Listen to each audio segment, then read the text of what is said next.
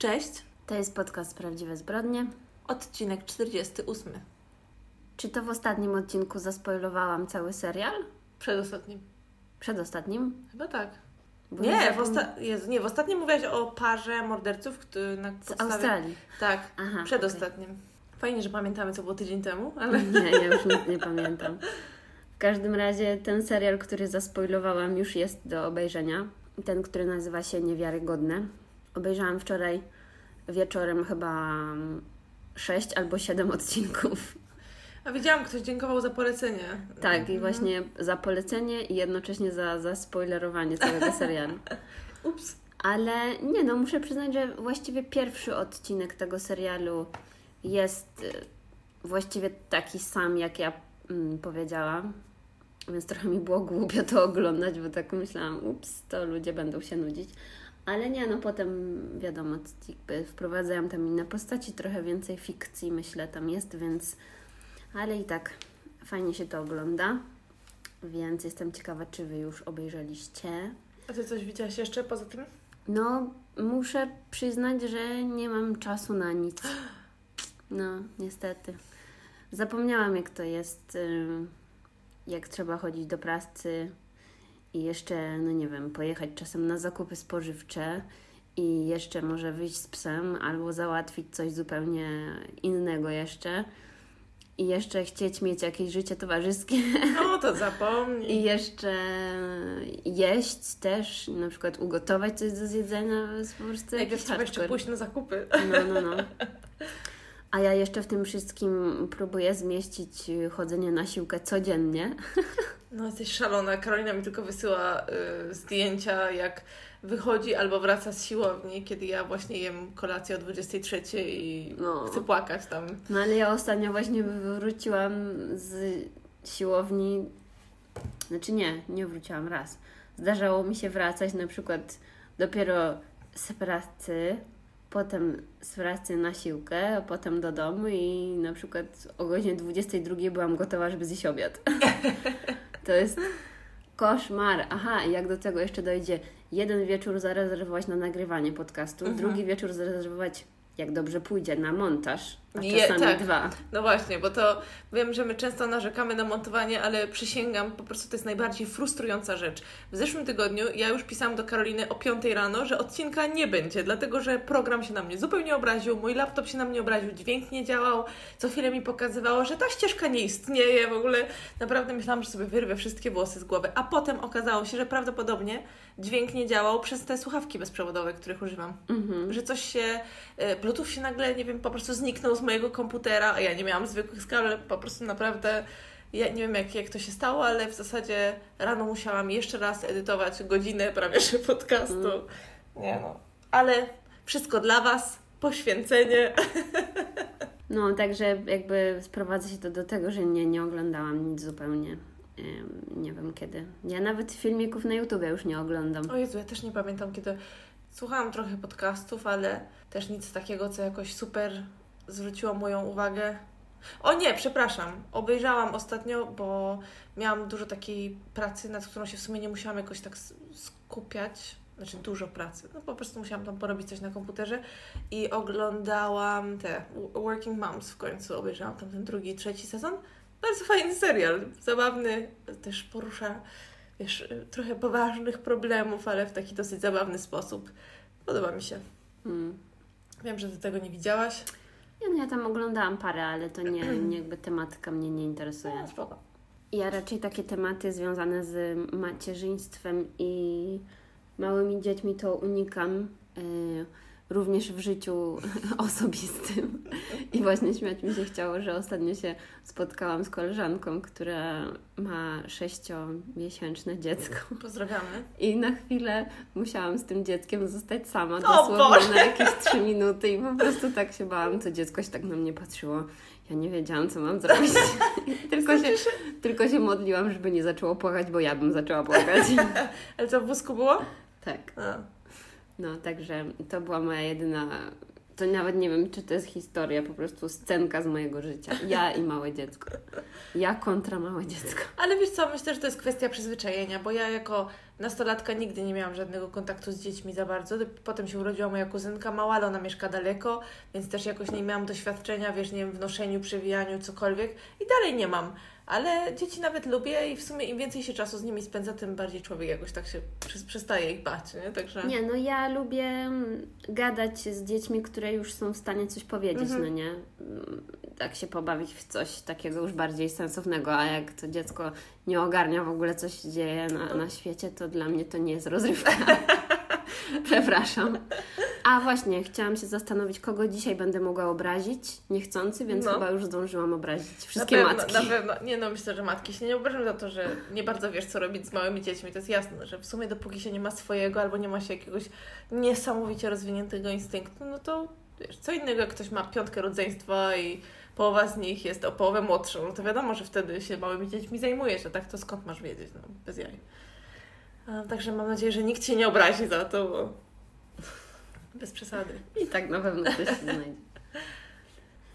To dzisiaj szybko przechodzimy do opowiadania historii, chociaż ja przygotowałam jeszcze anegdotkę, ponieważ w tym tygodniu wydaje mi się, że codziennie jadłam coś w stylu włoskim mhm. i już czuję, że zamieniam się w makaron powoli. I, I w związku z tym mam historię z Włoch. Okej. Okay. Stąd zaczerpnęłaś inspirację? E, nie.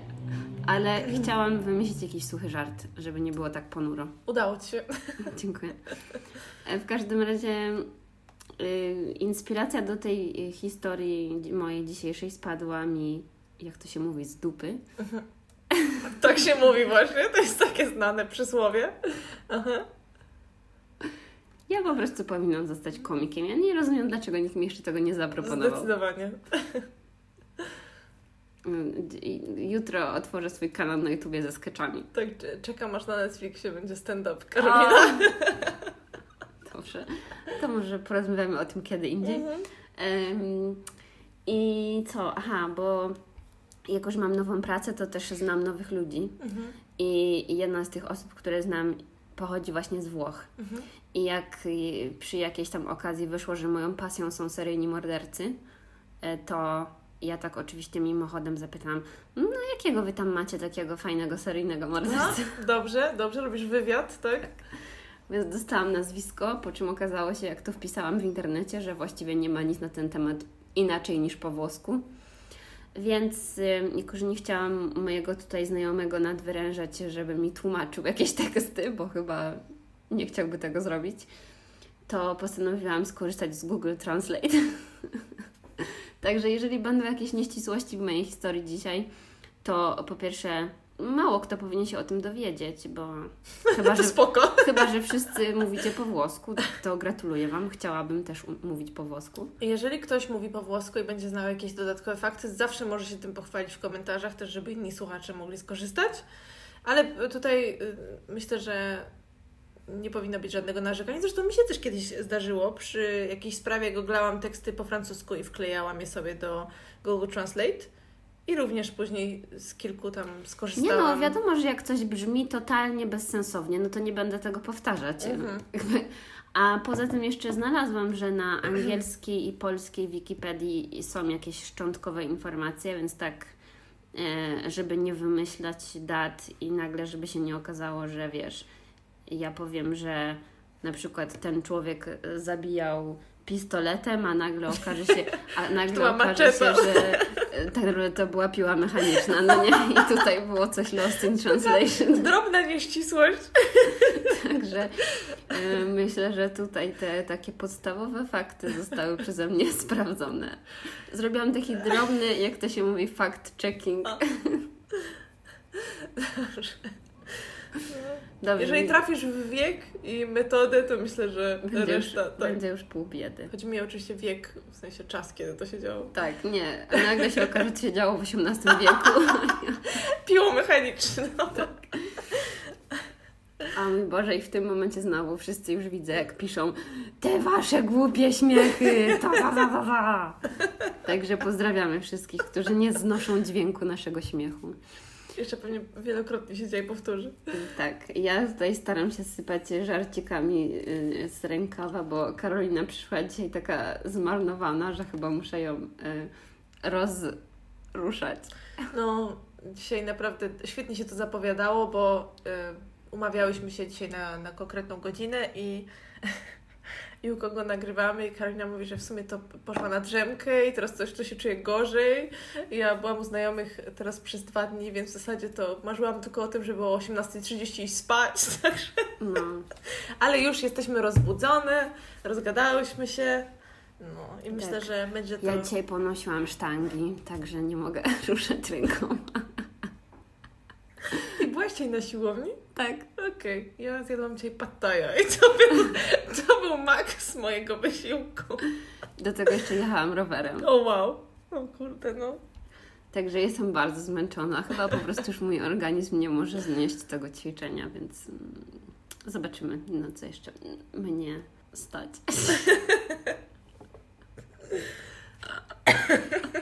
Dobra, to myślę, że jesteśmy gotowi. Dobrze. Bohater mojej historii nazywa się. No to już tak, dobra, wjechałaś konkretnie, dobra, no. No, przepraszam, taki głos zmieniłaś od razu. Aha, sorry. Już poważna jestem teraz, już no. koniec żartów. Bohater mojej historii nazywa się Donato Bilancia. Piękny akcent. Ćwiczyłaś? Tak, bo właśnie na co dzień jestem otoczona przez małą grupkę Włochów, którzy ryją, ryją mi panie swoją gestykulacją i y, modulacją głosu, mm. także mam zamiar się wczuć bardzo w to. Y, on urodził się w mieście Potenza. Dobra, już skończyłam. No. Y, I jakby ktoś nie wiedział, co to jest w środkowej części Włoch, ale tak na poziomie Bari. Mm-hmm. Tam lata Ryanair, więc pewnie wiecie, gdzie to jest. I to było w lipcu 1951 roku. Także nie będziemy obliczać, ile ma teraz lat. I on pochodził z takiej przeciętnej rodzinki. Jego ojciec był urzędnikiem, mama była gospody... włoską mamą była. Mhm. O, włoska mama. Ty też widzę akcent. Ja mi się zawsze przypomina, jak słyszę tą włoską mamę. Z Magda Gessler. Tak. Magda Gessler y, tak kilkakrotnie powiedziała, wydaje mi się, w e, Kuchennych Rewolucjach, czyli najlepszym programie wszechczasów i ona w poprzedniej też... edycji Masterchefa była włoska mamma Ewa. Tak, i to też wtedy było, ale wydaje mi się, że Magda Gester też tak, i ona właśnie też tak śpiesznie, mamma, zawsze. Mamma, tak. No tak. Nie było, Magda Gester na pewno mówi po włosku. No, troszkę chyba mówi z tego, co pamiętam z odcinków. No wiadomo, ona po hiszpańsku mówi, a to jest dosyć bliskie, no. więc... Dobra. Yy, w każdym razie oni... Aha, była włoska mama, do tego miał też starszego brata o jakiś tam rok. W roku 54, czyli szybko po jego urodzeniu przenoszą się do miasta. I teraz tutaj, hmm, jakby to powiedzieć po włosku, nie wiem, Genui, Genua. I to jest w regionie Liguria. I to jest z kolei w północnej części Włoch, na tak zwanej włoskiej Rivierze, bo nie wiem, czy kojarzysz geograficznie, ale to jest to samo wybrzeże, co francuskie lazurowe wybrzeże, no nie? To się tam łączy. Więc bardzo na pewno malownicze plaże i inne tam widoczki. E, no i to wybrzeże znajduje się nad Morzem Liguryjskim i to jest tyle z geografii, co chciałam powiedzieć na dzisiaj.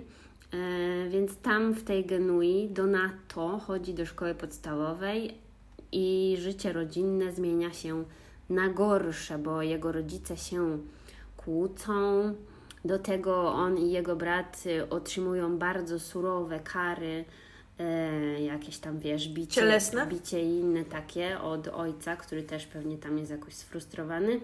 No i to skutkuje u tego Donato, ja to nazwałam problemami psychicznymi. To oznacza, że on notorycznie moczy łóżko, co się nazywa enureza. Nowe słowo, jakby ktoś nie mhm. wiedział. E, I to jest, y, to nawet trwa do jego wieku 12 lat. Ale to się przewijało już w historiach, nie? Po, w, w seryjnych morderców. Mm -hmm. To moczenie łóżka z powodu jakiejś tam traumy spowodowanej rodzicami, czy... No, ale to jeszcze jest nic, bo jego rodzice nie za bardzo to brali jako, wiesz, zresztą to były lata 50., 60., no to kto wtedy wiedział w ogóle, jak się zachować i co to są problemy psychiczne? No raczej nikt.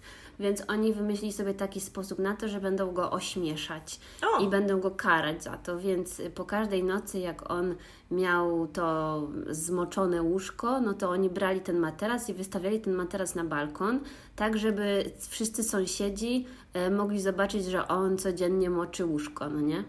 No i on tam wspominał. Co? Nie, przepraszam, to niepotrzebnie było, nie, bo po prostu w, w, jednej jakiejś mojej historii starej też było, że rodzice karali, czy tam ojciec karał dziecko za moczenie łóżka, ale to z tym materacem to mnie pozamiatało. Więc to było bardzo duże upokorzenie dla niego i jeszcze gdzieś tam w jakichś wspomnieniach mówił, że on dokładnie pamiętał, że na, po przeciwnej stronie mieszkały jakieś takie dziewczynki w jego wieku, no nie? I że jakby, no wiadomo, jemu się te dziewczynki jakoś tam podobały i miał świadomość tego, że oni wszyscy widzą, że on codziennie moczy to łóżko, więc był bardzo, bardzo zakłopotany. No i jakoś też mm, no jakoś tak dziwacznie próbował temu zapobiec, że wiesz, budził się w środku nocy, widział, że się zesikał, więc próbował jakoś to e, wysuszyć, ale za bardzo nie było czym, no także o, dosłownie spędzało mu to sen z powiek. No. No ale kolejne upokorzenie do kolekcji, też jak miał jakieś tam pewnie pomiędzy 12 a 14 lat, to było jak był na wakacjach u rodziny z powrotem tam w tym mieście Potenza i tam przed pójściem spać jakiś tam członek jego rodziny chciał go rozebrać, niby tak pod pretekstem, że nie wiem, go przebierze w piżamę czy coś takiego, więc y, ściągnął mu... No nie- właśnie nie rozumiem tej sytuacji, ale... Coś jest nie tak. No wiem, nie rozumiem tej sytuacji, ale clue jest takie, że po prostu ściągnął mu majtki i wszyscy jego starsi kuzyni i cała ta rodzinka zaczęła się śmiać z tego, jakiego on ma małego penisa. Boże święty, co to za ludzie? No. No. Mm. Więc, znaczy wiesz, no to, to są jego wspomnienia wszystko, więc może są dość mocno podkoloryzowane, ale wciąż no, na pewno jakieś kompleksy miał Mhm. na tym tyle. Mm, Mimo wszystko nieźle mu szło w szkole, w szkole podstawowej, ale oczywiście zmieniło się to w gimnazjum, bo w gimnazjum zaczął interesować się kradzieżami. No bo jak w domu się nie układało, no to, to chciał spędzać coraz więcej czasu na podwórku. No i właśnie z czasem rozwinęła się w nim taka wręcz obsesja na punkcie pieniędzy. Izolował się od swoich rodziców, właśnie wracał późno do domu, coś tam kombinował, zaniedbywał obowiązki, też podkradał pieniądze z domu i już podobno wtedy, jak miał około 14 lat, to te pieniądze kradzione wydawał na prostytutki albo hazard. Także no, Szybko dojrzał. no, także możecie sobie wyobrazić, co się z nim stało później. Yy, No i wtedy też, już jak wchodzi w swoje nastoletnie lata, przeżywa jakiś swój kryzys tożsamości, bo chce, żeby nazywano go po angielsku Walter, ale tutaj po włosku oni to napisali Walterinho. Mhm. No w każdym razie chcę, żeby inaczej go nazywali. No pewnie dlatego, żeby już porzucić to swoje stare imię i tą swoją, te wszystkie swoje słabości i stać się jakimś takim nowym Walteriniem, który nie przejmuje się, wiesz, tam opinią innych i tak dalej. No nie wiem, to jest moja interpretacja. Udaje mu się dostać do liceum, liceum w ogóle żeglarskiego, ale bardzo szybko je rzuca po to, żeby rozpocząć pracę. On pracował w jakimś warsztacie samochodowym, też pracował jako barman czy kurier, no ale głównym jego zajęciem jest y, kradzież różnych rzeczy. E, Już w wieku 16 lat kradnie samochód i chce z tego samochodu oczywiście sprzedać radio, bo no, pam- pamiętamy jak to w latach 90. e, wszyscy najcenniejszą rzeczą w samochodzie to chyba było radio, Radio. no nie? E- Ewentualnie lusterka chyba jeszcze kradli. Tak. Ja pamiętam, jak jacyś tam, jakieś tam osoby ode mnie z rodziny zawsze to radio chowały gdzieś albo wyciągali do Wypinało domu. się no radio i niektórzy nawet do torebki brali, Tak. nie? No, racja, racja. Albo chowało się do schowka, że niby się Tak, zabrało. tak, tak, no. Rzeczywiście zapomniałam o tym, że te radia, te panele były wypinane. No. Albo, ale wiesz, te panele wypinane to jeszcze to było już nowoczesne, ale jak całe to trzeba radio było wyciągnąć, No. to już hardcore. I pamiętam, no mój tato chyba zawsze tak chował gdzieś. Więc on, chcąc sprzedać to radio na jakimś tam bazarku, oczywiście zostaje zgarnięty przez policję i aresztowany. Ale jako, że ma 16 lat i jest nieletni, no to trafia do jakiegoś tam ośrodka poprawczego. No i trafia tam na całe lato, czyli tam pewnie na kilka miesięcy. No i oczywiście nie jest to w sumie dobry sposób na resocjalizację młodego y, przestępcy, bo poznaje tam ziomków, którzy są jeszcze gorsi. Tak, są jeszcze gorsi, dokładnie, więc ten pobyt w tym poprawczaku pozwala mu jakby rozwinąć swoje umiejętności, jeżeli chodzi o włamania, kradzieże i inne przestępstwa, no nie? Ciekawe jak to wyglądało, czy oni tak usiedli w kółeczku i dzielili się ze sobą swoimi najlepszymi trikami jakimiś? Czy... No, bardzo no. możliwe. Dwa lata później już konkretnie trafia do więzienia, bo już ma 18 lat, a właściwie dlatego, że jakiś jego wspólnik go podkablował, kiedy próbowali okraść kościół, także też fajne, fajne zajęcie. E, no i już tam w więzieniu e, nawiązuje znowu nowe przyjaźnie, też z jakimiś kryminalistami, co pozwala mu zdobyć również nowych wspólników na przyszłość, na przyszłe jakieś kradzieże. No i od tego czasu, już odkąd kończy te 18 lat, to właściwie cały czas pada i wypada z więzienia, no nie, że to, że to trwa przez e, wiele, wiele lat. Ma nawet epizod y, bycia w więzieniu we Francji, bo tam też y, wywiało go na francuskie wybrzeże, żeby coś tam okraść. Interesy, w interesach pojechał, tak? Tak, dokładnie, podróż służbowa. Y, no i tak dotarliśmy do roku 84, kiedy chyba w którymś też więzieniu poznał w końcu swojego mistrza. Mistrza kradziejów wszystkich, który przekazał mu wszystkie swoje najlepsze techniki na to, jak robić wielkie kradzieże, no nie? Więc od tamtej pory Donato jest po prostu pro włamywaczem i pro przestępcą. Czyli opłacało się pójść do więzienia, można powiedzieć. Tak. No i też dzięki wyższej e, klasy rabunkom nie narzeka na brak pieniędzy i przez to, że cały czas te pieniądze do niego przychodzą, to też oczywiście wkręca się w hazard, no bo w sumie jak się obraca cały czas jakąś tam gotówką i obraca się w takim środowisku, no to trudno nie zostać hazardzistą. Więc sobie gra w karty, kości i takie tam. No i teraz nadchodzi taki kluczowy moment w życiu Donato, mianowicie zdrada.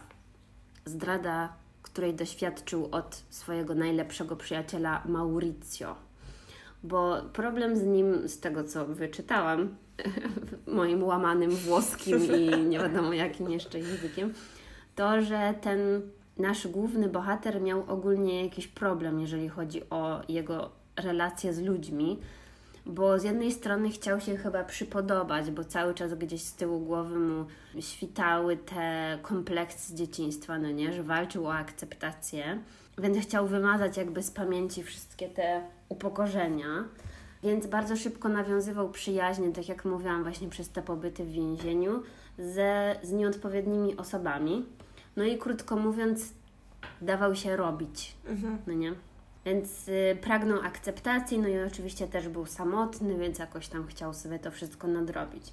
Więc ten Maurizio był jego najlepszym przyjacielem, no i byli oczywiście biznesowymi wspólnikami, więc pewnie mieli tam na swoim koncie jakieś wspólne kradzieże i tak dalej.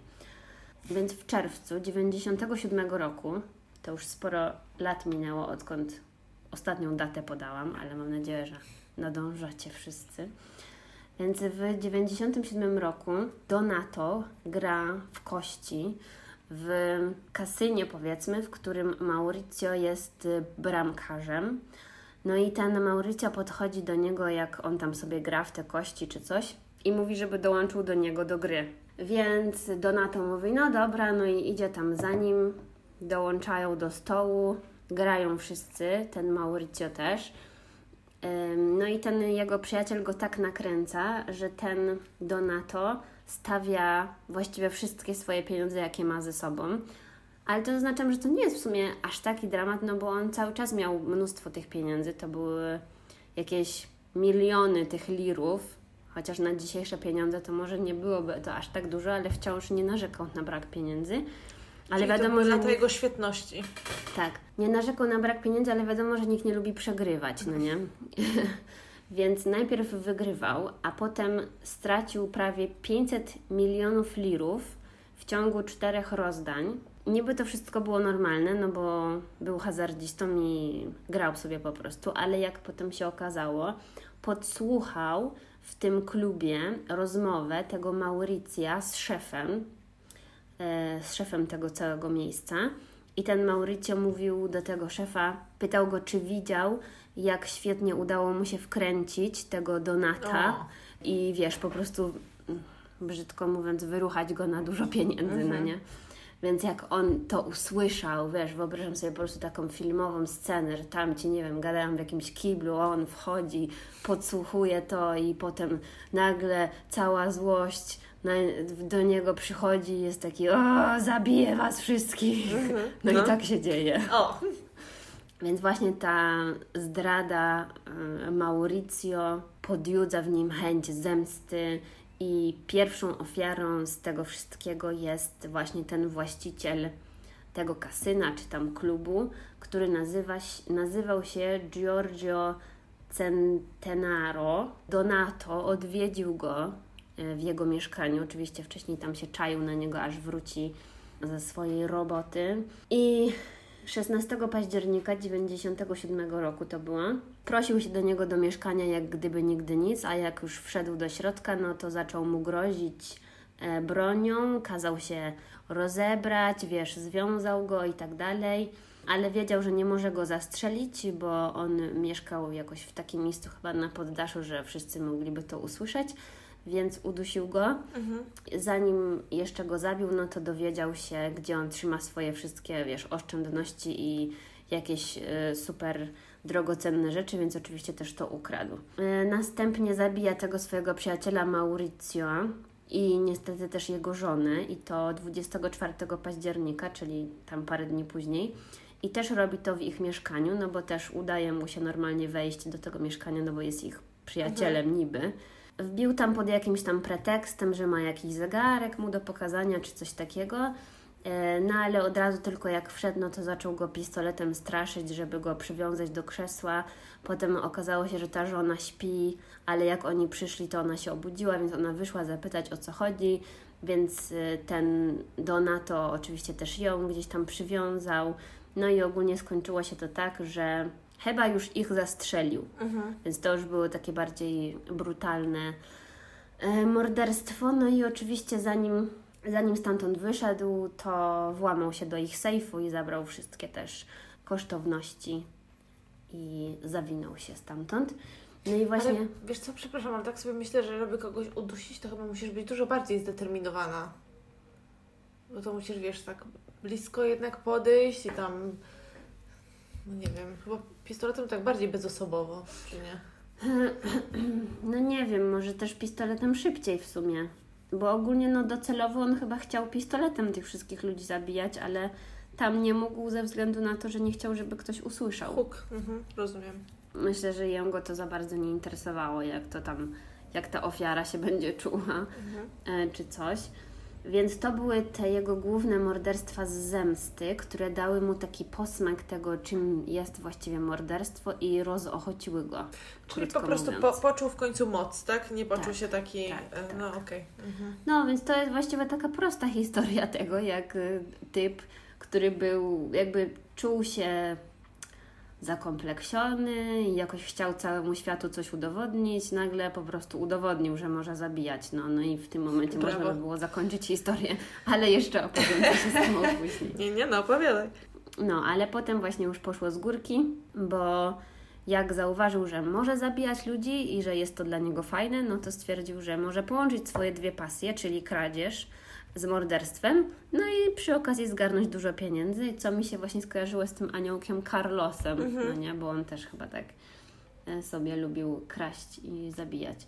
Więc nie będę się aż tak rozwodzić nad tymi kolejnymi morderstwami, bo ich było sporo w przeciągu niespełna siedmiu miesięcy w ogóle, Mhm. także zdążył zabić... Czyli to było killing spree, można by powiedzieć. Tak, dokładnie, bo już mogę teraz powiedzieć, że zdążył zabić 17 osób Ło! w przeciągu tych 7 miesięcy. To się nie nudził. No. Także on po prostu był jak taki typowy typowy seryjny morderca, który narobił coś tam głupiego i stwierdził, że po prostu idzie w długą i będzie po prostu mordować wszystkie osoby, które tam napotka na swojej drodze. No i następną jego ofiarą był jakiś jubiler, e, i to było 27 października. Też włamał się do niego do, do domu. No, poniekąd właśnie, żeby ukraść jakieś tam rzeczy, no bo jeżeli był jubilerem, to na pewno miał dużo kasy, więc zabił tego pana Bruno i jego żonę w ich mieszkaniu. Następnie 13 listopada zabił jakiegoś właściciela kantoru i ukradł z jego domu 45 milionów lirów włoskich na tamte czasy. Ktoś gdzieś napisał, że to jest około 22 tysięcy euro, mhm. więc no tak czy inaczej dużo pieniędzy. Więc już jakby te morderstwa z, z powodu zemsty zeszły na taki dalszy plan. No i jak mówiłam, postanowił połączyć kradzież z morderstwami i po prostu coś na tym też zyskać. Nie wiem.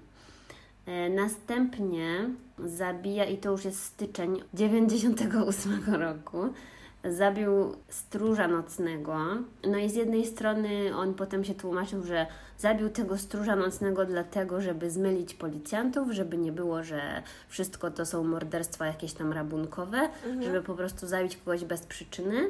Super, no.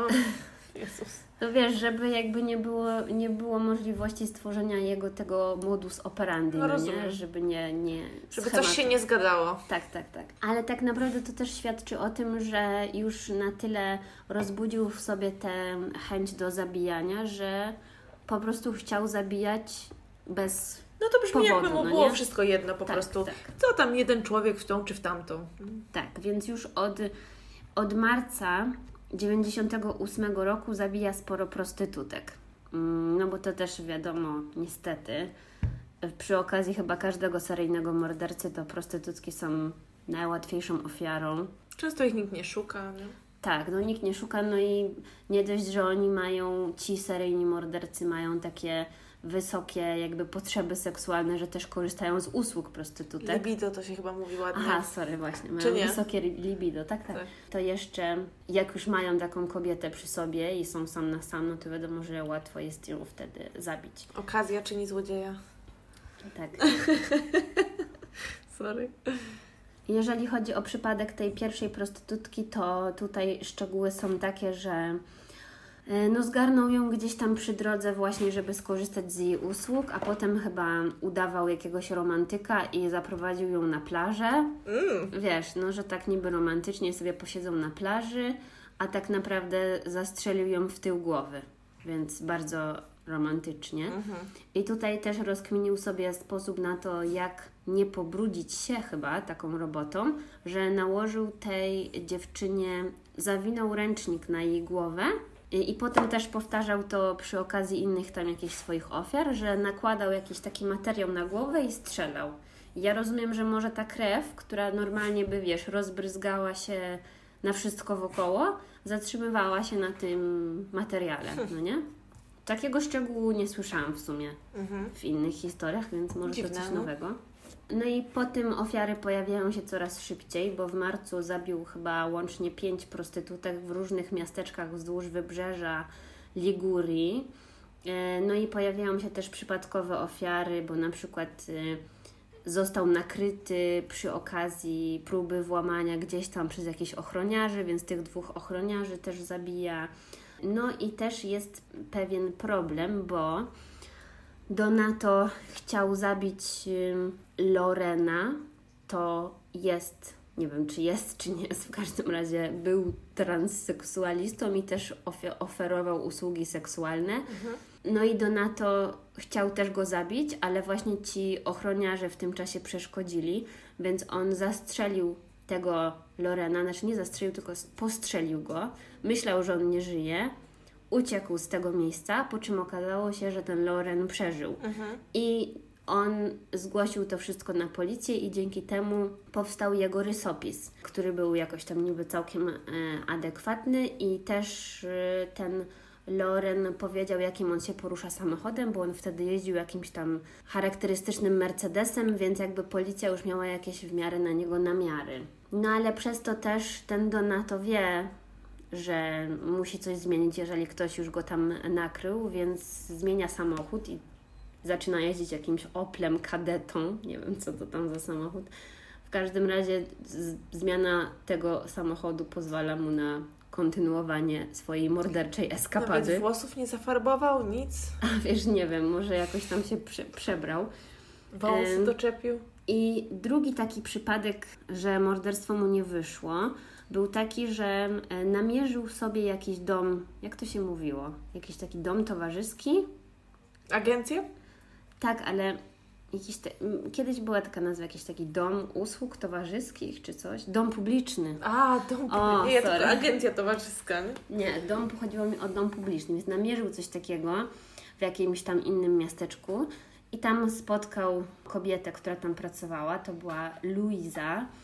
I on oczywiście tam, wiesz, odbył z nią stosunek i potem chciał ją zabić. No ale ta kobieta zaczęła go błagać o litość i podobno powiedziała mu, że ma dwuletnie dziecko, co spowodowało, że on nagle nie mógł jej zabić i ją puścił. To miał jakieś uczucia. Ja nie wiem, czy to jest jakaś bajeczka, bo wiecie, no, moje źródła tutaj są trochę dziwne, ale podobno właśnie kilka osób, które widziało go, miało z nim spotkanie, e, potem składało zeznania podczas jakby tego procesu, więc to była ona. Mhm. Więc faktycznie musiał ją puścić. Więc wiadomo, że już kolejny samochód mu się nie nada, no bo ta kobieta też widziała wszystko, więc tym razem przesiada się w pociąg i y, jedzie na trasie La Spezia, Wenecja. I w kwietniu na przykład dopuścił się morderstwa samotnej kobiety jadącej w pociągu i zrobił to w ten sposób, że obserwował ją, obserwował jak wchodzi do toalety, więc oczywiście wszedł za nią do toalety i tam właśnie narzucił tej kobiecie na jej głowę marynarkę e, i zastrzelił. I potem oczywiście na kolejnym przystanku wyszedł, pociąg pojechał dalej razem ze zwłokami tej kobiety, a on zmienił trasę, no nie? Więc też bardzo sprytne. No ale oczywiście media i cała ta społeczność tego wybrzeża no już dowiaduje się, że grasuje jakiś seryjny morderca i nie tylko zabija prostytutki, ale zabija też właśnie przypadkowe osoby, jak jakaś, wiesz, bezbronna kobieta, która po To już prostu nie sobie było jakby jechała żadnego pociągiem. profilu ofiary, prawda? To Tak, już tak, tak, Dlatego też każdy poczuł się zagrożony. No i policja już wtedy, możemy powiedzieć, depcze mu po piętach. No i już powiem, jaka była jego ostatnia ofiara. Był to pan Giuseppe Mileto, który był pracownikiem stacji benzynowej, bo Donato już jak wysiadł z pociągu, to znowu musiał przesiąść się w jakiś samochód, wiesz, no po prostu czego on tam nie wymyślił, ale chyba nie udało mu się ukraść żadnych pieniędzy w międzyczasie, więc musiał zatankować samochód i nie miał jak zapłacić. Więc postanowił wykorzystać swoje najlepsze e, zdolności, czyli no, grozić po prostu, że tego faceta na stacji benzynowej zabije. Akurat przeszkodziło im to, że jakiś nowy klient podjechał na tą stację benzynową, więc musieli chwilę udawać, że wszystko jest w porządku, że tamten y, Giuseppe tego klienta obsłużył. Próbował jakoś chyba mu powiedzieć, że potrzebuje pomocy, ale to nie wyszło, nie wiem. Więc jak z powrotem wrócił e, na tą stację benzynową, no to ten Donato go od razu zabił. E, Zabrał wszystko, co było oczywiście w kasie, no i pojechał dalej w długą. No i to, tak jak mówiłam, była jego ostatnia ofiara, bo w międzyczasie, jak już mówiłam, e, było kilka osób, które złożyły zeznania przeciwko niemu na policji, więc mieli już mniej więcej jakiś obraz tego, kogo szukają. Poza tym wyszło na to, że jak miał ten samochód Mercedesa, to on jakoś tam nie zmienił formalnie tego, że jest nowym właścicielem samochodu, tylko ten samochód cały czas widniał w papierach na byłego właściciela, który dostawał mandaty na swój jakby adres. No i ten mężczyzna zdziwił się, bo jakoś tam, nie wiem czy ten mężczyzna, czy to policja, w każdym razie ktoś połączył, że te mandaty przychodziły z lokalizacji, w których były też morderstwa, no nie? Więc ten koleś to zgłosił na policji, to oni już mieli jakiś tam szlak i też nie wiem przypadkiem, czy ten mężczyzna nie miał po prostu danych tego Donata. No jak mu sprzedał samochód. No. Więc policja od razu już miała imię i nazwisko, kogo konkretnie mają szukać. więc podobno obserwowali go przez 10 dni, pozbierali jakieś tam jego pety, pozbierali też jakiś kubeczek po nim z jakiejś knajpy i zbadali DNA, które zgadzało się z DNA znalezionym gdzieś tam w miejscu zbrodni? W miejscu zbrodni, bo też już nie chciałam tego mówić, ale przy okazji morderstwa jakiejś tam kobiety, to on podobno się onanizował, więc być może, że mhm. coś tam gdzieś tam pozostało hmm. po jego przygodzie ze zwłokami. Yy, przepraszam. No, no.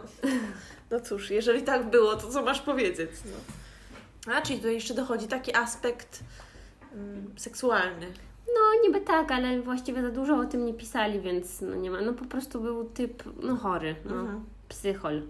Więc on mógł wszystko robić tam i wcale by mnie to nie zdziwiło. 6 maja zostaje aresztowany w końcu. I co ciekawe, chociaż nie, to właściwie nie jest ciekawe, to jest typowe. Przyznaje się do wszystkiego, no nie? O, Jak to każdy też seryjny morderca, który jakiś tam ma kompleks, bo pewnie, wiesz, tym samym chce powiedzieć tak, to ja to wszystko zrobiłem. Mhm, no. Patrzcie na mnie, jaki jestem wspaniały. Nie, ja się po prostu czasami zastanawiam, czy to bo wiadomo, u niektórych to jest na pewno takie, patrzcie na mnie, jestem wspaniały, ale czy też to ulga nie jest trochę, nie? Bo w sumie... No tak, właśnie on jakby, no w sumie potem powiem, że on miał dużo jakichś tam różnych problemów w głowie, więc może po prostu chciał, żeby ktoś zakończył jego, mhm. wiesz, cierpienie, jakkolwiek by to brzmiało. Ale podobno przyznał się do wszystkiego, bo policja nie wiedziała chyba do końca, jakie zarzuty mu tam postawić, kogo on dokładnie zamordował. Mieli jakieś tam pewnie kilka E, propozycji, ale on powiedział im wszystko. Mhm. Czyli nie więc... musieli się napracować za bardzo. Tak, więc właśnie prawdopodobne jest to, że jak piszą, że 17 ofiar było, to faktycznie 17 ofiar było, że on chyba powiedział wszystkie, mhm. E, które tam osoby zabił. No i właśnie wyjaśnił tej policji, że zdrada tego Mauricio zapoczątkowała całą serię morderstw i że to właśnie jest wszystko jego wina, że zdradził jego przyjaźń i to wszystko sprawiło, że on poczuł chęć do zabijania po prostu całej ludzkości. -hmm, no wiesz. Nie, no to wszystko brzmi jak osobowość plus seria zdarzeń, które po prostu doprowadziły do... Mhm.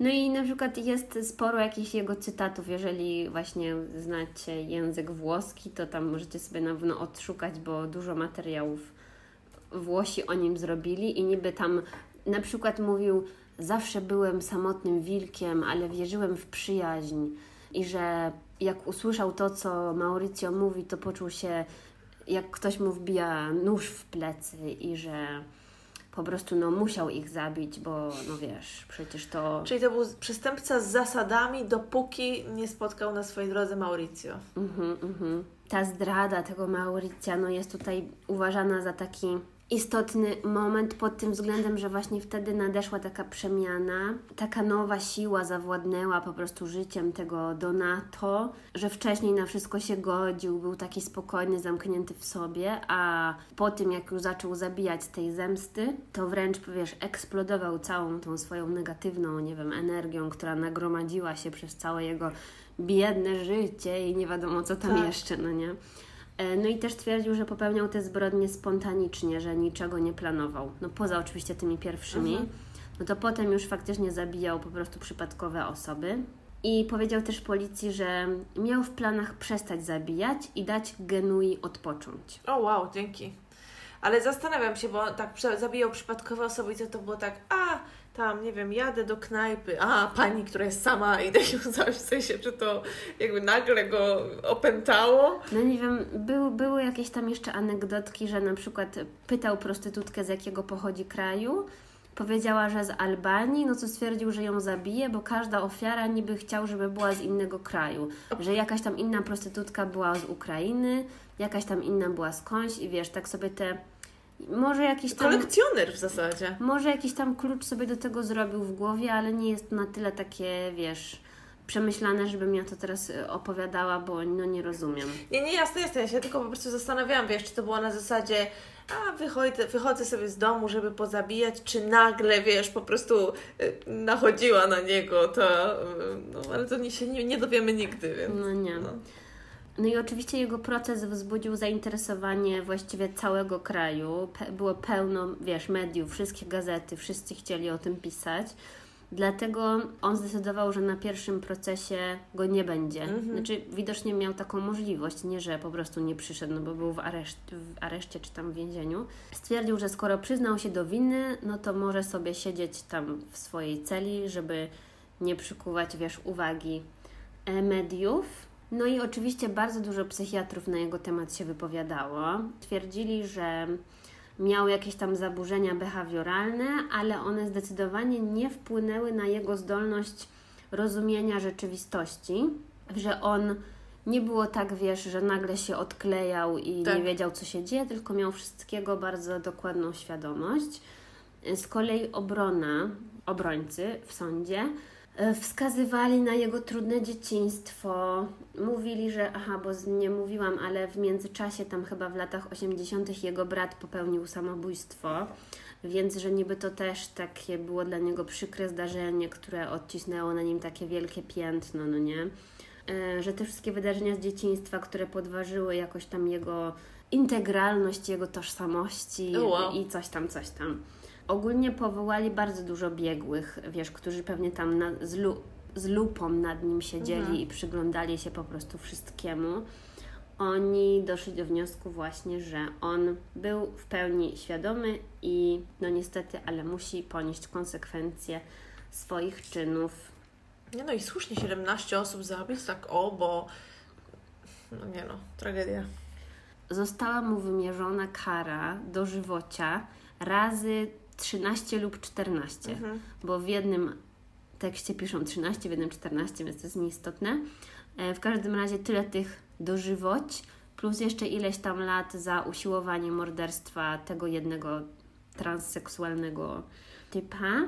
I co jeszcze? No i tam chyba jeszcze coś mu dołożyli. W każdym razie mm, obecnie znajduje się, jeżeli to są dalej aktualne informacje, to znajduje się w więzieniu w Padwie i ciekawostek, jeszcze mam parę ciekawostek, to jeszcze nie koniec. Ciekawostką jest to, że będąc już w więzieniu, odbył wiele spotkań z jakimś być może sławnym e, włoskim psychiatrą i neurologiem, który nazywa się Vittorino Andreolim i opowiedział mu wszystko, po prostu całą historię swojego życia. Dlatego przypuszczam, że po włosku może być właśnie dużo materiałów takich skupiających się na jego psychologii, no nie? Mhm. I ten pan Vittorino też właśnie mówił, że pojawia się to nieszczęśliwe dzieciństwo, ta przemoc psychiczna, jakiej tam doświadczył, to, że, po, że miał takie poczucie niższości wobec wszystkich, również oczywiście kompleks penisa, który mu też z dzieciństwa został na całe życie.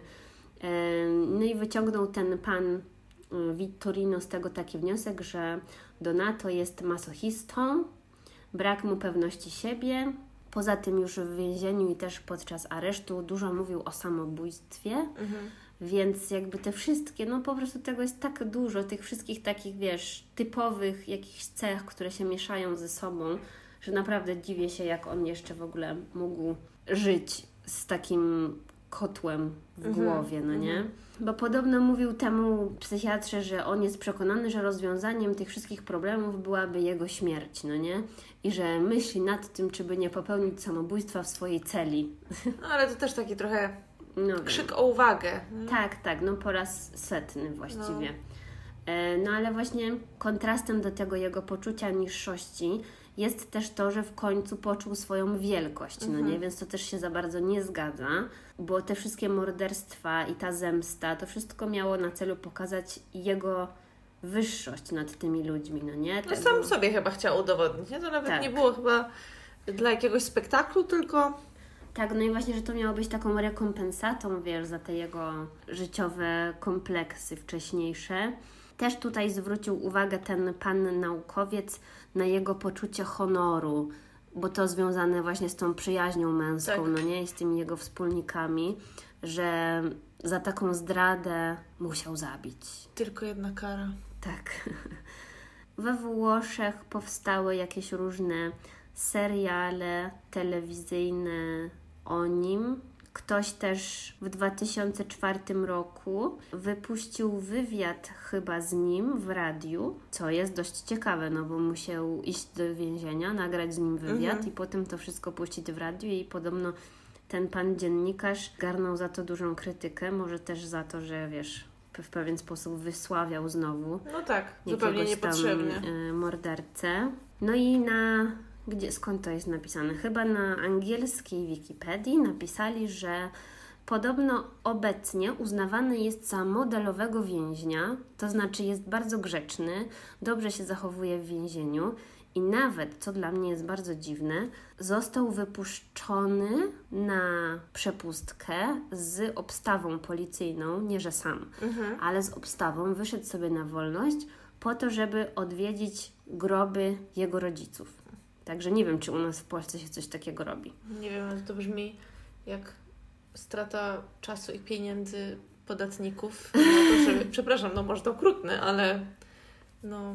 No może, no ogólnie mówią, że resocjalizacja idzie mu bardzo dobrze, bo skończył w więzieniu studia, chyba z księgowości czy coś takiego i że obecnie też studiuje coś jeszcze innego, że on tam tylko siedzi i się uczy. Wiesz, no, dziwne. Mm. No cóż, nazywa się ta historia Potwór z Ligurii mhm. i to jest koniec. No, to teraz po włoskiej historii Karolina. Tak, teraz moja kolej. Ja opowiem o zdarzeniu, które miało miejsce 1 września 2015 roku. Mam nadzieję, że powiedziałam datę dobrze. Kiedy to o godzinie 7.52 policjant, który nazywał się Joe, jak oni to mówili, Glinowitz, ale pisze się jego nazwisko Gliniewicz. Mhm. Pełne jego imię to chyba jest Charles Joseph Glin, Glinowitz, jak to Amerykanie mówią. E, Jogi właśnie pije. Picie, tak. tak, psa, sorry.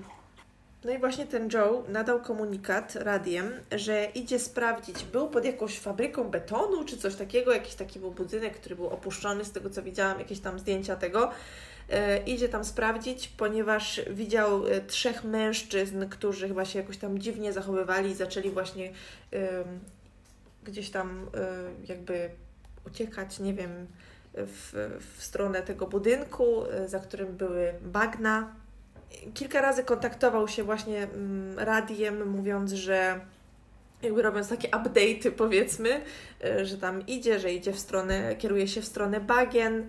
E, ta pani pytała się go, z którą rozmawiał, czy potrzebuje wsparcia. On na początku mówił, nie, nie, nie, idę zobaczyć, natomiast w końcu tam o 7.55 powiedział właśnie, że pobiegli w stronę bagien i jak ona się zapytała go jeszcze raz, czy wysłać wsparcie, on powiedział, dobra, w sumie to możesz kogoś tam wysłać. No i chyba trzy auta e, jechały, żeby mu pomóc. Natomiast w pewnym momencie on przestał się odzywać. Ci policjanci nie mogli go zlokalizować, którzy tam przyjechali mu pomóc w akcji, mhm. E, i nagle usłyszano strzał. E, to była taka bardzo, bardzo e, chciałam powiedzieć, zalesiona okolica. W każdym razie było tam mnóstwo krzaków, jakichś roślin i tak dalej, woda i w ogóle, bo nie powiedziałam jeszcze, że to było w miejscowości Fox Lake w Illinois, czyli tam, gdzie, tam, gdzie Chicago. I nie mogli go znaleźć, usłyszeli ten strzał, więc tam zaczęli wszyscy jeszcze bardziej go szukać, tego Joe. Yy, na początku no dalej nie mogli go znaleźć, aż w końcu yy, ktoś tam nadał komunikat, że znalazł jego ciało. Mhm. No i ten Joe leżał tak twarzą yy, do dołu. Właśnie to zaprezentowałam Karolinie leżał twarzą do dołu. Niedaleko jego ciała leżały rozrzucone jego rzeczy, jakiś tam e, gaz pieprzowy, taka pałka policyjna, okulary. No, także to jakby to mogło wskazywać na to, że mm, był tam jakiś element szarpaniny, walki. A niedaleko pomiędzy dwoma drzewami znaleziono pistolet. I tutaj, co tragiczne, jeśli chodzi o tą historię, to to, że chyba z tego, co dobrze pamiętam, to on chyba dzień przed tym wypadkiem mógł już przejść na emeryturę. Mm. No, bo on miał wtedy 50 kilka lat, on się urodził w 63, nie każcie mi liczyć ile, yy, ale no nie wiem, 53? 50? Nie wiem. No nieważne, w każdym razie Także to, to było bardzo smutne. I ogólnie kim był ten Joe? Yy, miał ksywę G.I. Joe. Dlatego, że on tam też był w armii, no i miał wielo, wieloletnie doświadczenie w policji. Był bardzo szanowanym członkiem społeczeństwa, miał bardzo duże poważanie, jeśli chodzi o tamtejszą młodzież. Był w jednym miejscu, tam gdzieś go określili jako takiego prawie celebrytę, że był takim, taką osobowością prawie jak z kreskówki, można by powiedzieć. Y, dlatego chyba ten G.I. Joe jako ksywa też bardzo do niego pasowała. I on był taki ważny dla społeczeństwa, dlatego że prowadził program dla młodzieży związany właśnie ze służbą w policji Mhm. Y, czyli jakby prowadził program dla młodzieży, która była zainteresowana pracą w policji, jakby zarażał, wiesz, tym, tych młodych ludzi.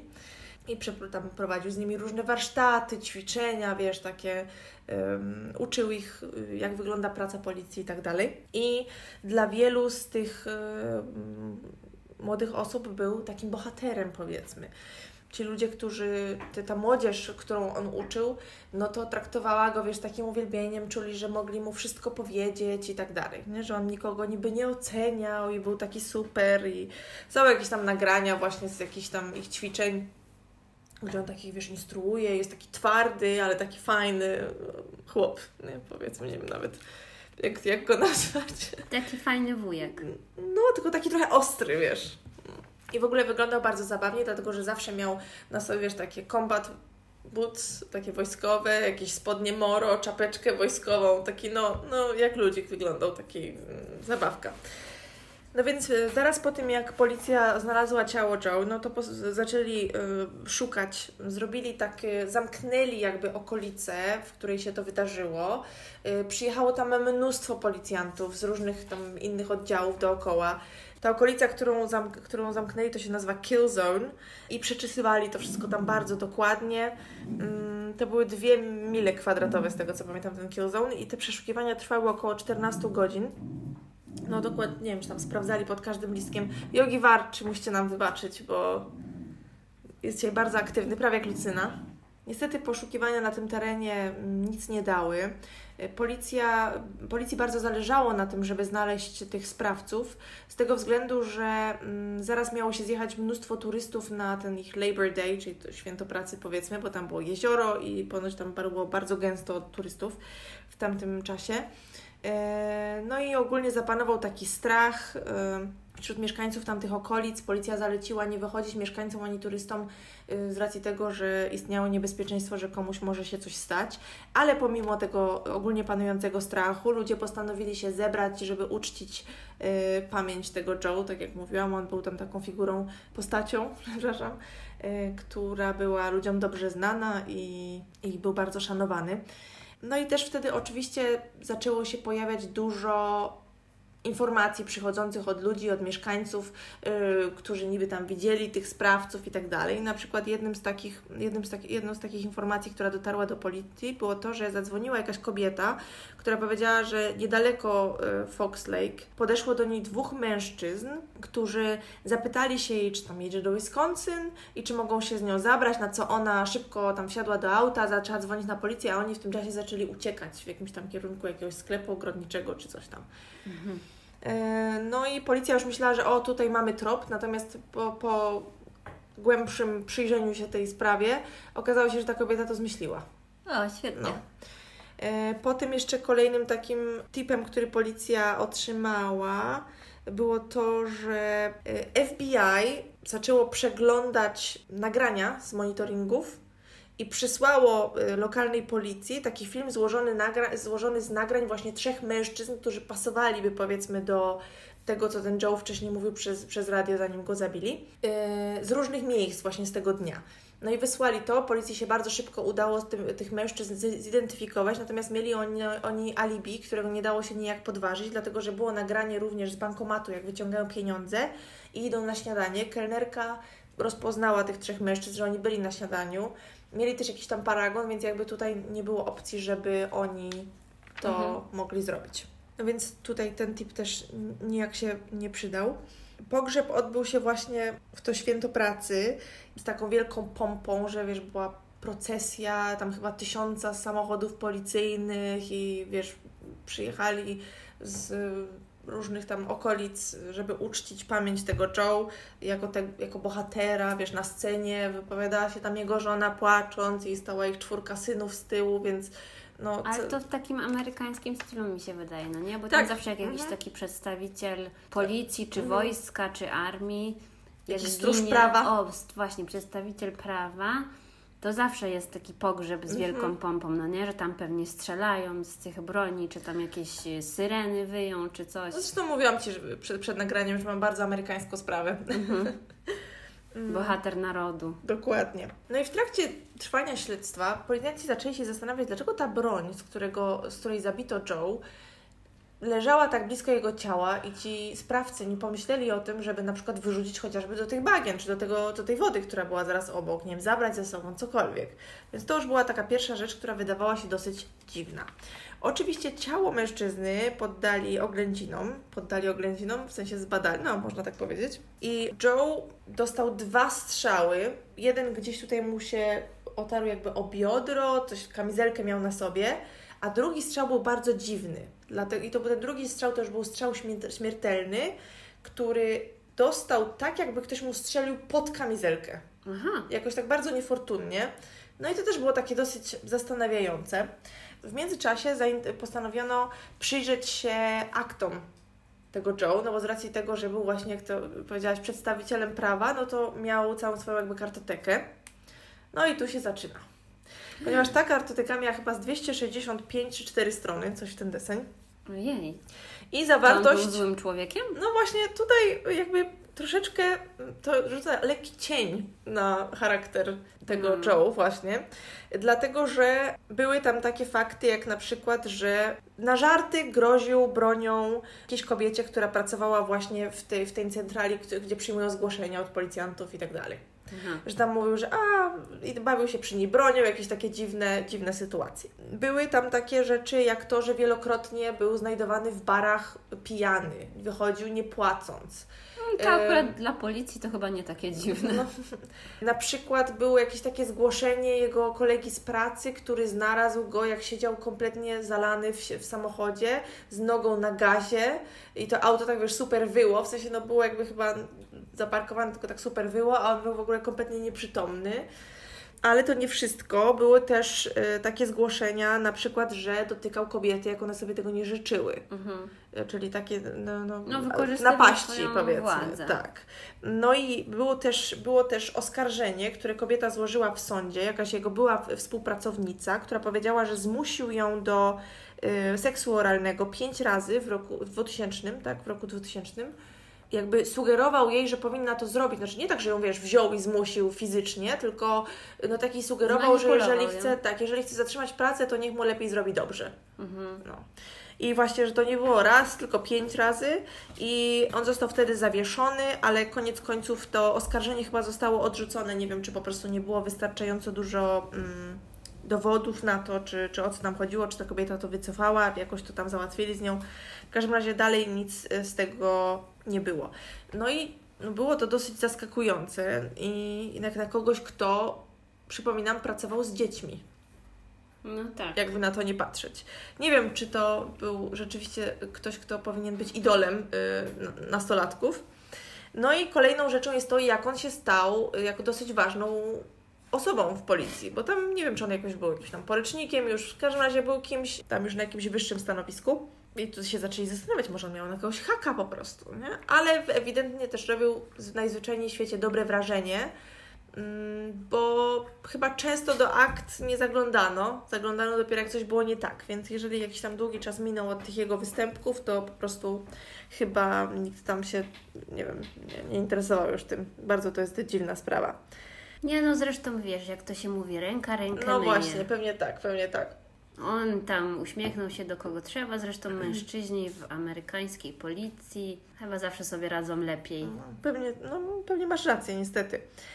No i to pozwoliło policjantom spojrzeć na tą sprawę w troszeczkę innym świetle. Może nie do końca to zmieniło opinię wszystkich na temat Joe, tych jego kolegów z pracy i tak dalej, co jest dziwne, bo jeżeli ktoś zmusza współpracownicy do seksu oralnego, to nie świadczy o tym chyba, że jest to dobry człowiek, tak ogólnie, no ale to już jakby ich sumienie. Więc zaczęli się zastanawiać, czy przypadkiem na przykład ktoś nie próbuje się na nim zemścić. Mhm. Wiesz o co chodzi. No ale jakby ten tok myślenia też nie przyniósł żadnych y, skutków, W międzyczasie wróciły do policji informacje z telefonu Joe. I wróciły właśnie informacje z tego jego telefonu i tam było, nie wiem, jakieś 650 stron y, SMS-ów, które on chyba próbował usunąć też. No i z tych SMS-ów wyszły różne fakty.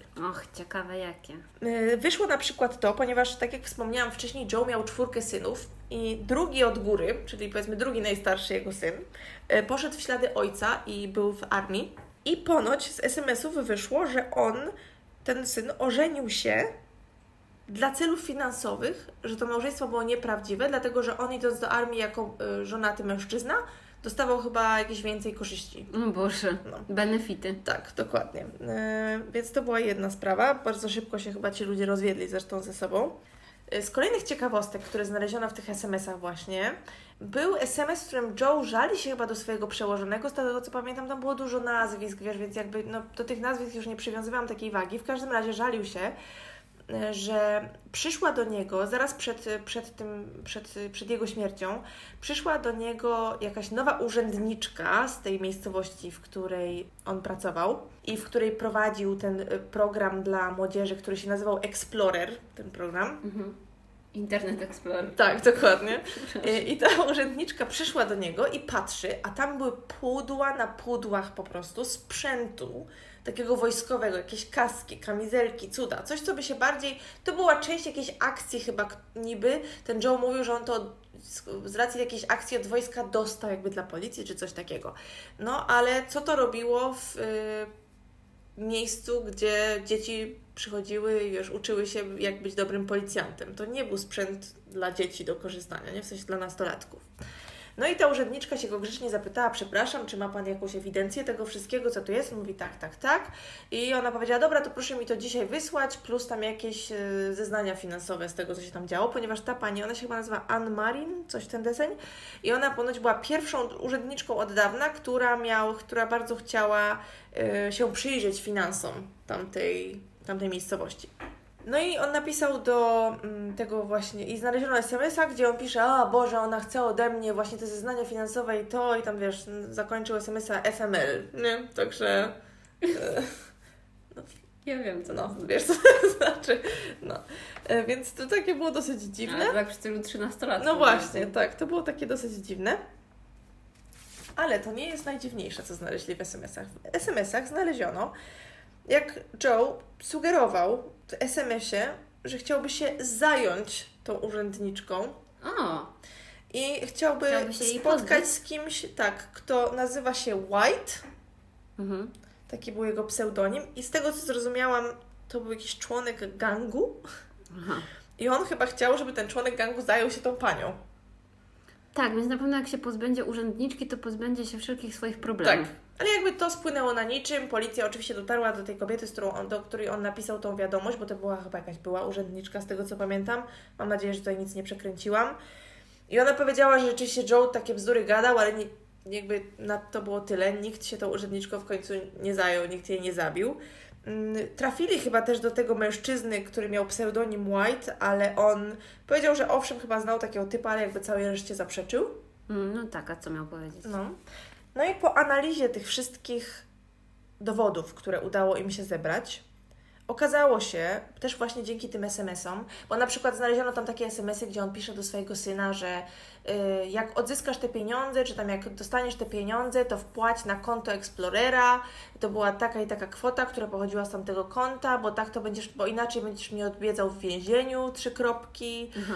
y, że tam do żony pisał, y, bilety zostały kupione z konta Explorera i tam kwota, ile dolarów i tak dalej. Więc Czyli na tej podstawie... sobie używał Tak. po prostu tego Na- na, swoją jakby użytek swój. Dokładnie. Na tej podstawie zorientowali się, że on konto tego, tej, tej, tego projektu Explorer y, korzystał y, jak ze swojego. Mhm.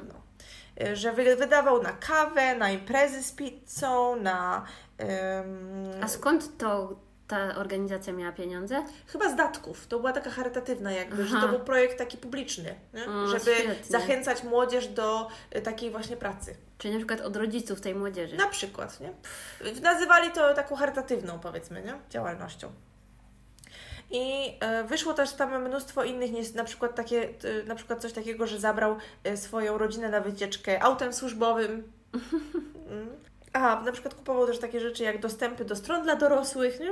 No to nie brzmiały jak rzeczy, wiesz, chodził sobie do Starbucksa za to mm, i tak dalej, więc to nie, no, dziwna sprawa. I tutaj też zdarzyło się coś dziwnego, dlatego że lekarz, który badał zwłoki y, tego Joe, y, wypowiedział się w jakiejś tam telewizji w, Chicago, która go poprosiła o komentarz, bo to była ogólnie taka sprawa, która no, poruszyła tą, tą całą społeczność, tak jak mówiłam, i była dosyć o niej głośno. I ten lekarz wypowiedział się ten patolog wypowiedział się y, w, tele, w jakiejś tam telewizji yy, z Chicago, że on nie może stwierdzić, że to było zabójstwo, nie może stwierdzić, że to było samobójstwo, ani nie może stwierdzić, że to był wypadek.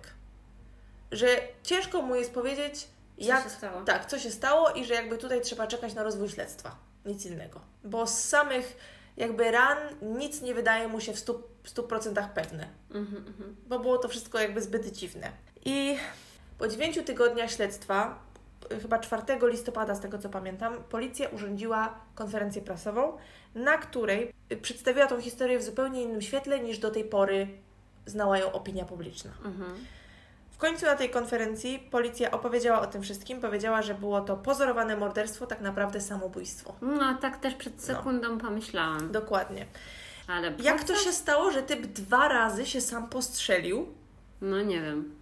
Że raz jakby się postrzelił, to jest ogromny ból, prawda? W sensie, jak to jest w ogóle możliwe? Okazało się właśnie, nawet ta żona jego wspominała o tym, że on był niesamowicie odporny na ból i że on najpierw się postrzelił gdzieś tutaj w okolicy biodra i to nie była oczywiście rana śmiertelna, ale musiało to być okropnie bolesne.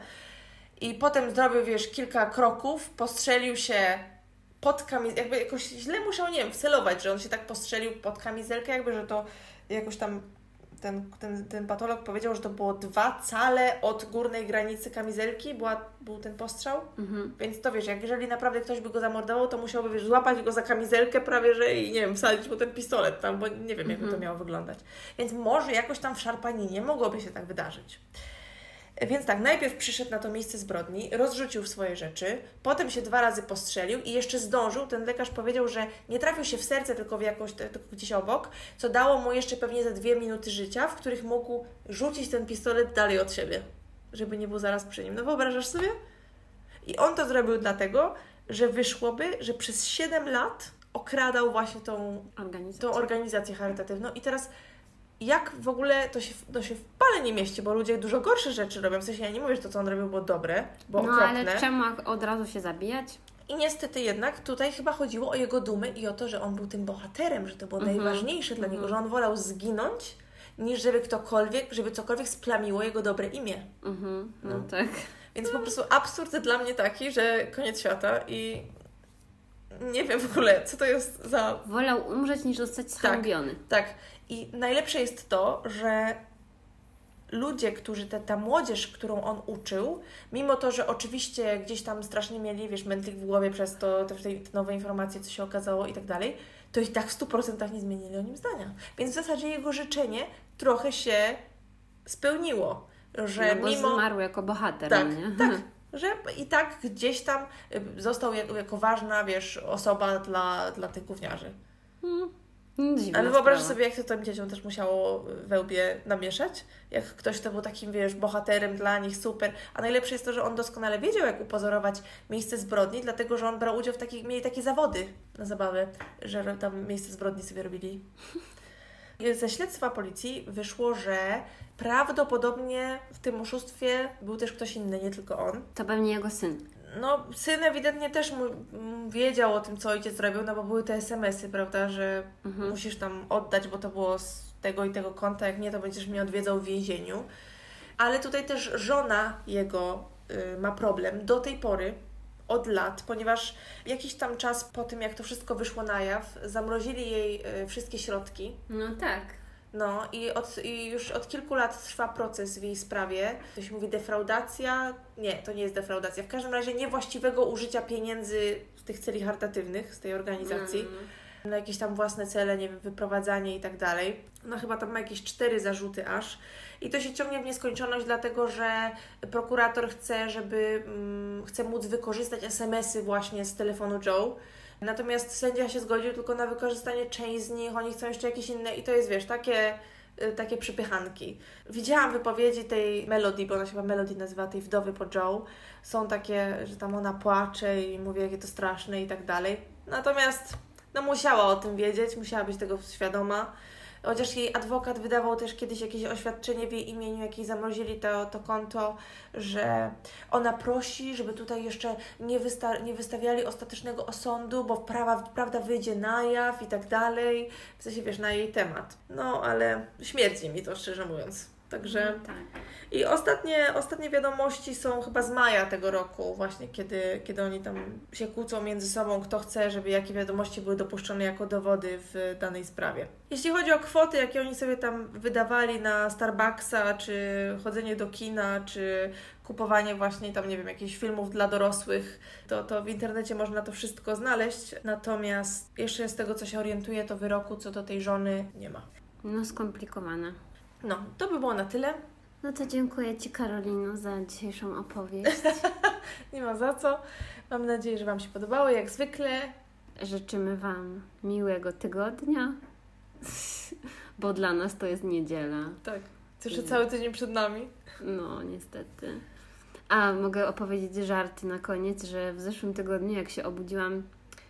Yy, dobra, byłam w poniedziałek w pracy i potem obudziłam się we wtorek rano i dziwię się, że mój chłopak tak szybko wstaje z łóżka i w ogóle tam się ogarnia, a ja mówię do niego, o co ci chodzi? Przecież jest weekend.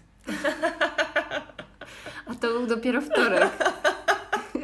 I jak on, mi, po, I on mi powiedział, ej Karolina, ale dzisiaj jest wtorek, to ja się po prostu jakby mi ktoś cegłą w głowę uderzył. Biedna. To było takie przykre, że jeszcze cały tydzień przede mną, a mi się już wydawało, że jest Coś weekend. ci się musiało śnić. Tak. No. Jakaś weekendowa imprezka mi się śniła. Także życzymy Wam, żeby tydzień szybko zleciał i żeby zaraz był weekend. tak. Do usłyszenia. Do usłyszenia.